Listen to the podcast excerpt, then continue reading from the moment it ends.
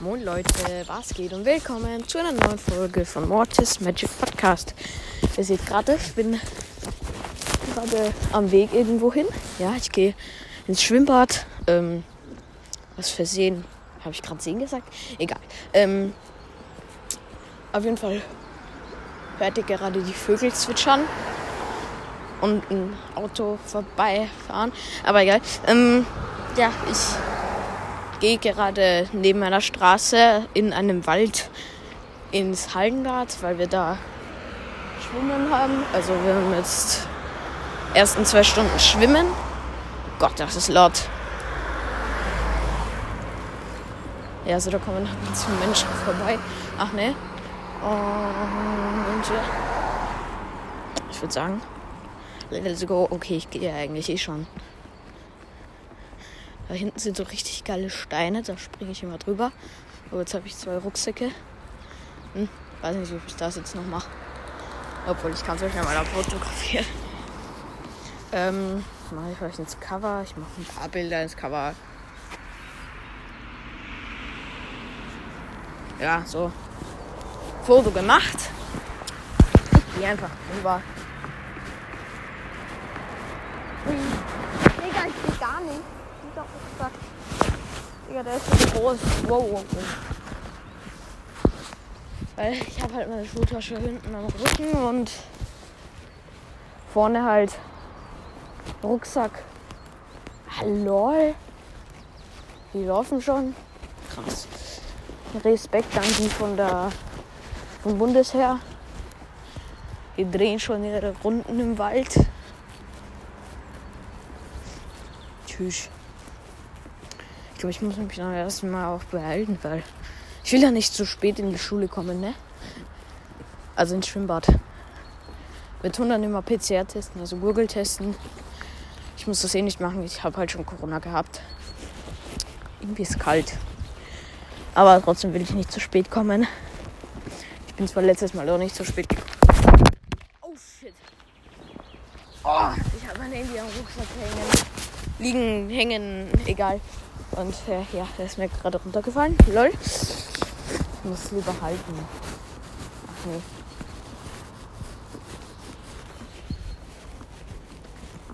Schon irgendwie schön. Und da ist ein Sonnenaufgang.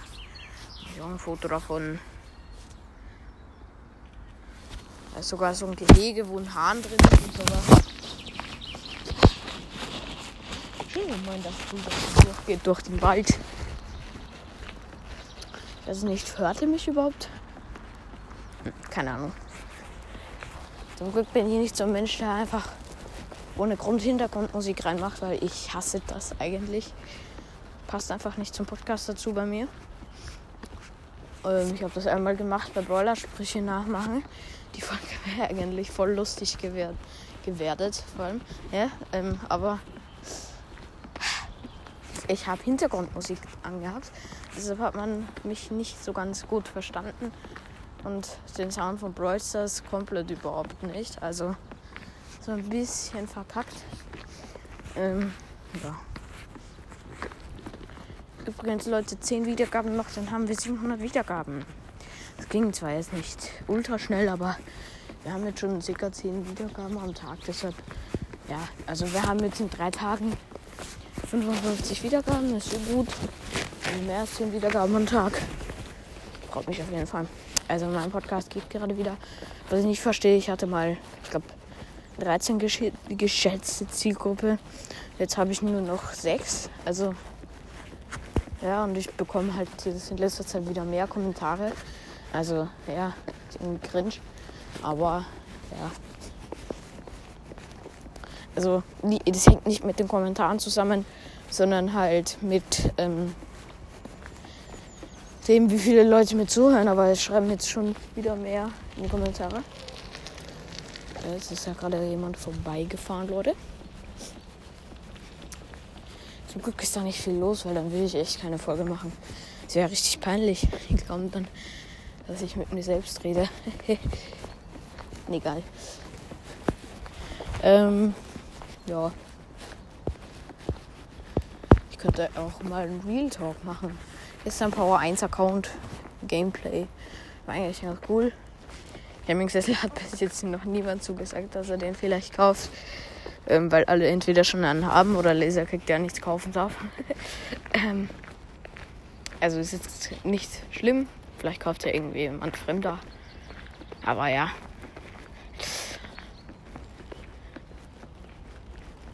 Müsste er auch nicht, weil der ist jetzt nicht der Beste. Also, ja. Er hat 100 Euro gekostet. Er ist auch bequem und sowas, aber er kann halt nicht das, was Gaming-Sessel können sollen. Er kann sich zwar drehen, er kann auch schaukeln, aber er kann nicht, er hat irgendwie keine Lautsprecher, er hat nicht diese Dinger hinten bei der Lehne und sowas. Aber ich will jetzt nicht komplett schlecht über ihn reden, weil vielleicht kauft ihn ja irgendjemand. ähm, aber ja, vielleicht werde ich auch irgendwann mal ein Gewinnspiel machen. Jetzt noch nicht. Ähm, ja, da könnt ihr vielleicht ein Face Reveal gewinnen. Da schreibt ihr, da beantwortet ihr mir drei Fragen. Und ähm, wenn ihr die richtig beantwortet, also dann schreibt ihr noch eure Adresse hin. Ich werde natürlich nicht anheften. Ähm, schreibt ihr noch eure Adresse hin, dann bekommt ihr, wenn ihr wollt, eine Unterschrift, auch wenn das jetzt nicht so besonders ist. Aber dann noch ein Face Reveal von mir, also ein Foto von mir, kriegt ihr mit. Sowas halt, weiß ich nicht. Vielleicht, wenn es meine Eltern erlauben. Ich habe schon mal darüber gesprochen mit ihnen, aber die haben Nein gesagt. Aber ja. Ich würde mich auf jeden Fall, sobald meine Eltern erlauben, es ist 16 Jahre alt, aber vielleicht. Also mit 16 darf ich mich zeigen. Ich habe gerade mal die Hälfte geschafft. Und es ist 7.18 Uhr schon. Ach, Scheiße. Hm, egal. Ich werde schon nicht zu spät kommen. Um 40 beginnt der Unterricht. Also da gehen wir dann in die Garderoben.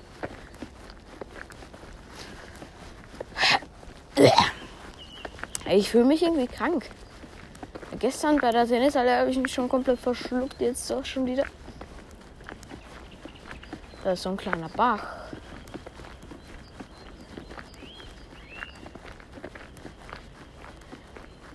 Lol, die haben was am Teich umgebaut. Tschüss. Weil das Wahrzeichen der Stadt ist so. Nein, nein. Aber. Also gibt so einen Turm. Da werden immer so Konzerte gemacht. Der ist eigentlich das Wahrzeichen der Stadt. Der Turm, da steckt etwas in der Art Musik drinnen im Namen. Hm, ja,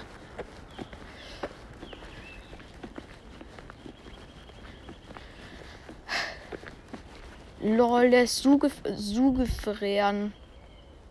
Heftig. Oh ne, jetzt habe ich mit den Steinen noch weiter rangemacht in den Schuh. Egal. Also das Wahrzeichen. Was für Wahrzeichen? Wieso sage ich das immer?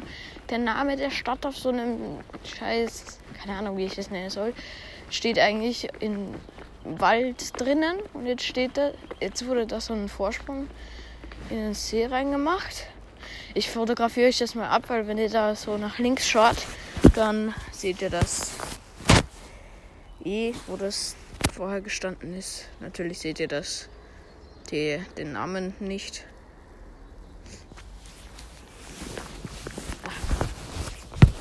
Irgendwie. Oh shit. Ihr ein bisschen ruhiger Weinfeld. Ich glaube, wir haben gerade, weiß ich nicht, drei Grad oder so. Ähm, ich schaue mal kurz auf Wetter.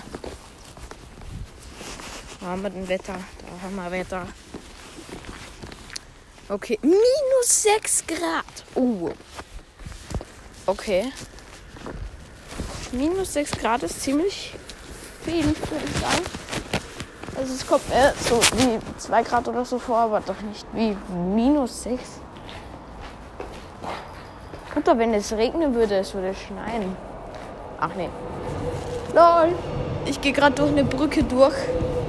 Da kommt einfach random ein Zug rüber mit drüber.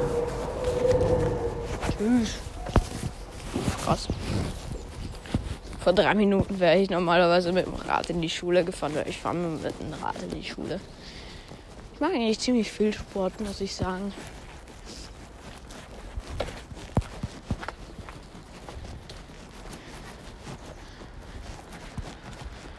Ich würde mal sagen, ihr bekommt auch mal so Informationen über mich.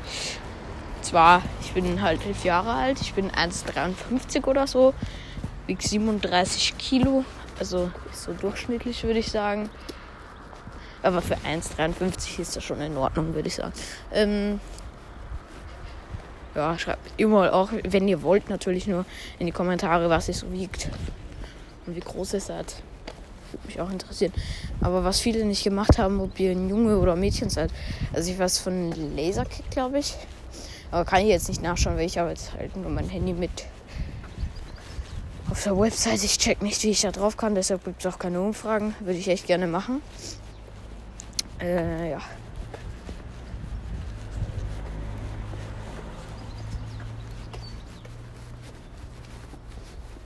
Weiß gerade echt nicht, was ich reden soll.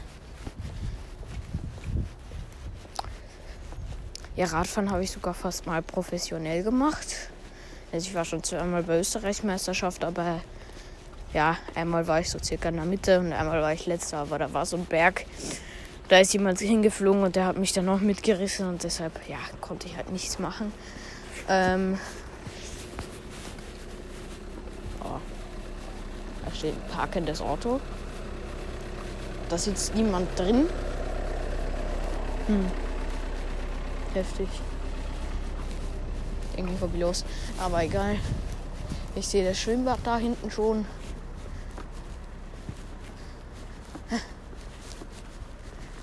Ich gehe da neben dem Knast. Besser gesagt neben der Schule.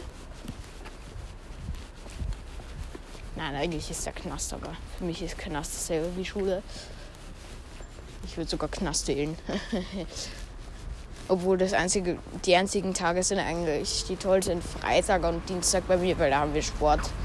Ich gehe halt leider nicht ins Sportgym. Ich gehe ins Englisch kommen. Und ich kann schlechter Englisch als ein Regenwurm. Also. Ja.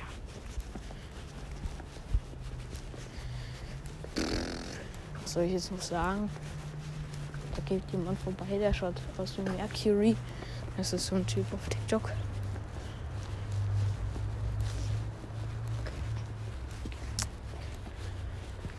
Ey, wie viele E-Autos stehen da? Digga. Wie viele E-Autos stehen da? Ich hab jetzt schon sieben E-Autos gesehen. Meine Oma hat ein E-Auto. Da haben alle E-Autos. Digga, was ist das? Ja, safe. Und dann steht da auch noch ein McLaren. Ja, okay, ist jetzt nicht so krass wie der Lotus von meinem Onkel. Jetzt werden wir wahrscheinlich ziemlich viele Tesla bald sehen. Weil da hinten ist so ein Hotel und da sind halt E-Ladestationen, die von Tesla gemacht worden sind, also auch für Tesla. Schauen wir mal, wie spät es ist. Digga, ich komme ja viel zu früh. Da bin ich in, weiß nicht, drei Minuten dort.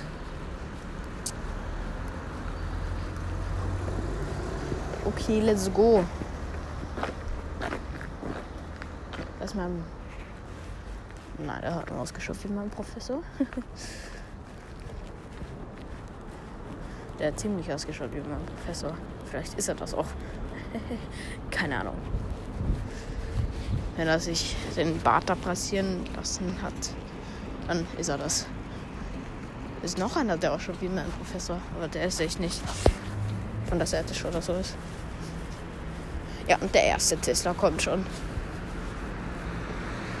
Das ist so ein richtig schönes Hotel. Ich habe da einmal zu Mittag gegessen, das war richtig lecker.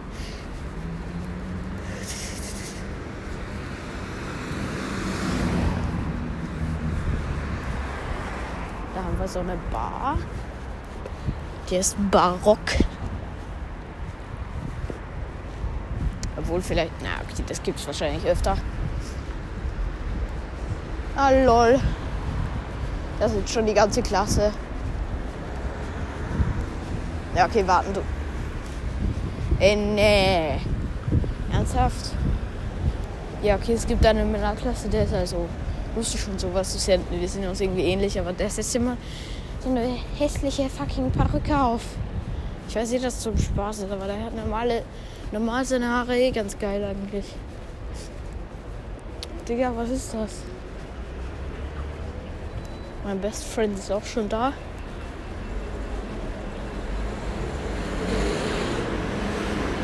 Boah, jetzt kommen wir zur Hauptstraße. Und da beende ich die Folge. Leute, ciao.